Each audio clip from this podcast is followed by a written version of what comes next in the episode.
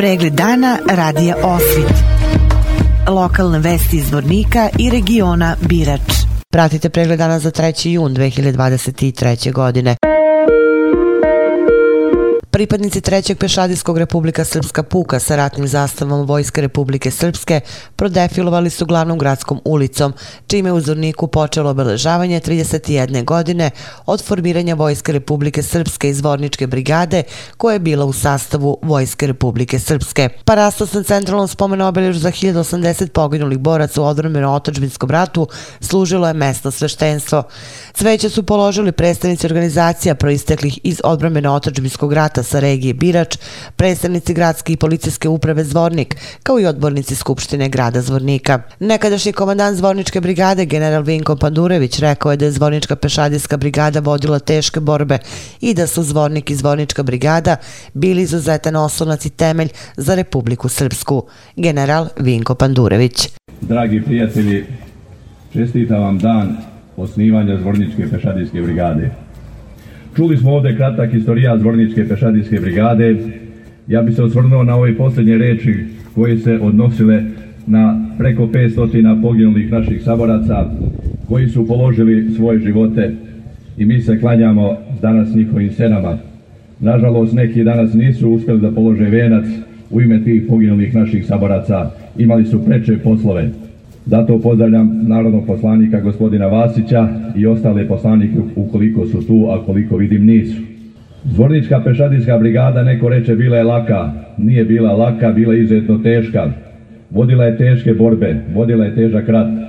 Zvornik je bio oslonac Republike Srpske, kako neko reče, Romanija se naslanja na Drinu, a Drina zapljuskuje Romaniju.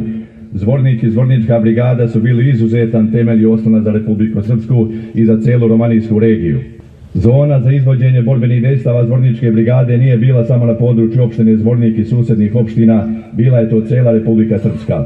Mi smo znali kako se vode bitke u ratu. Nismo štedili svoje živote, nismo štedili svoje zdravlje.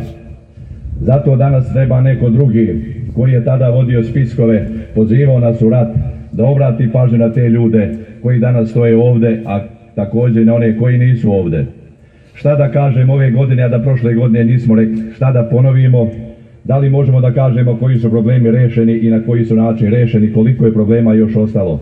Ali život je takav da se ne mogu problemi rešiti ni kada odemo s ovoga sveta, ali trebamo biti uporni i trebamo ih rešavati.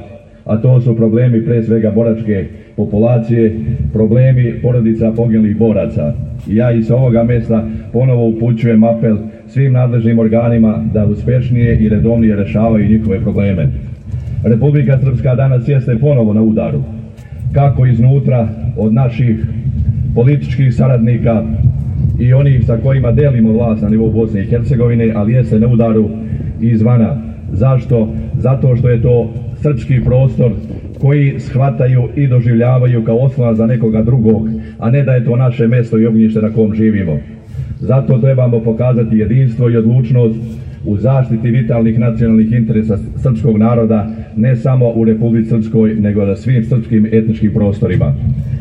Ja vas još jedan put toplo pozdravljam. Mislim da nas je trebalo i više biti, možda je kiša omela, u ratu nas kuršumi umetali nisu, pa ne smiju ni kišne kapi danas ovde. Sekretar u gradskoj boračkoj organizaciji Zbornik Aleksandar Despotović istakao je da i nakon 31. godine od rata još uvek su sveže rane i sećanja na oko 500 poginulih pripadnika Zvorničke brigade. Sekretar u gradskoj boračkoj organizaciji Zvornik Aleksandar Despotović. 31. godišnjica od formiranja Zvorničke brigade Vojske Republike Srpske toliko godina posle rata još su, uvijek su sveže rane i sjećanja. I na ratne dane i nažalost sjećanja na veliki broj poginulih pripadnika zborničke brigade preko 500 o ranjenim da i ne govorimo. Koliki je broj. Svjetli put zborničke brigade nije samo zapisan na prostorima tadašnje opštine Zvornik i regije Podrinja i Birča, već širom cijele Republike Srpske. Može, može se slobodno reći da nije bilo ratišta u Republici Srpskoj, ona koja je zvornička brigada sa dijelom svojih jedinica nije uzimala učešće i dala svoj nemjerljivi doprinos u oslobađanju srpskih vjekovnih teritorija i stvaranju Republike Srpske. Ovim povodom želim da izrazim koliko radost da još uvijek se skupljamo da obilježimo ovako značajne datume iz naše novije istorije, toliko i žaljenje zbog nedovoljno još uvijek riješenog statusa demobilisanih boraca u odnosu na neke ostale kategorije stanovništva. Nadam se da će u narednom periodu i narednim godinama koje su pred nama vlasti i sama Republika imati sluha, ako ne za ove demobilisane borce koji su već u nekim poznim godinama i nemaju potrebu za poslom jer i nisu više radno sposobni toliko za njihovu djecu da imaju neki prosperitet u Republici Srpskoj da ne moraju da traže poslove izvan Republike Srpske a samim tim dodatno usložnjavamo situaciju da ne bi u nekom budućem periodu što ne bi niko želio ostali bez velikog dijela stanovništva. U Zvorničkom domu omladine sinoć je počeo 29. festival guslara Republike Srpske takmičarskog karaktera, na kojem učestvuje oko 60 guslara iz Srbije, Crne Gore i Republike Srpske. Nakon prve polufinalne večeri, u finale prošlo je 20 guslara. Večeras u 19 časova u domu omladine bit će održano i finalno veče, kada će biti proglašeni najbolji guslari u pojedinačnoj i ekipnoj konkurenciji. Savez guslara Republike Srpske osnovan je 1993. godine u Palama. U Savazu je aktivno 17 društava koja broje oko 300 guslara.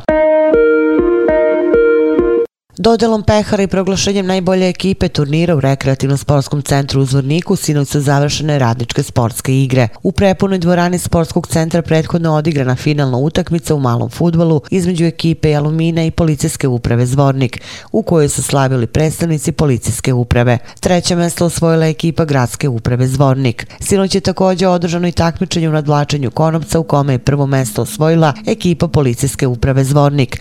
Drugo mesto bolnica Zvornik, dok su se na treće mesto plasirali predstavnici gradske uprave Zvornik. Da podsjetimo, proteklih 9 dana na turniru je učestvovalo 17 ekipa iz ovdašnjih preduzeća i ustanova sa više od 300 učesnika, koji su se takmičili u malom futbalu, basketu, odbojci na pesku, stonom tenisu, pikadu, nadlačenju konopca i šaku. Na turniru koji je održan od 22. maja do 2. juna učestvovali su Osnovni sud Zvornik, Tehnički školski centar Karakaj, Policijska uprava Zvornik, Osnovna škola Desanka Maksimović Čelopek, Osnovna škola Sveti Sava Zvornik, Osnovni sud Zvornik, Gradska uprava, Bolnica Zvornik, Dom zdravlja, Telekom Srpske, Alumina, Osnovna škola Aleksa Šantić Osmaci, Osnovna škola Vuk Karadžić Roćević, Tehnološki fakultet Zvornik Stan, Vitinka Kozluk, Zvornik Putevi, Dečiji vrtić, Naša radost Zvornik. Inače, ukupni pobjednik turnira je ekipa javne zdravstvene ustanove Bolnica Zvornik.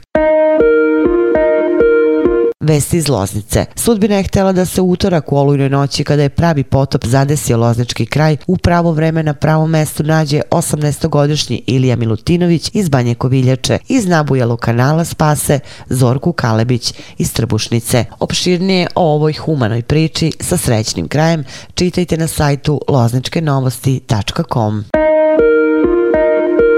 Pratili ste pregled dana za 3. jun 2023. godine. Hvala na pažnje. Pregled dana radija Osvit.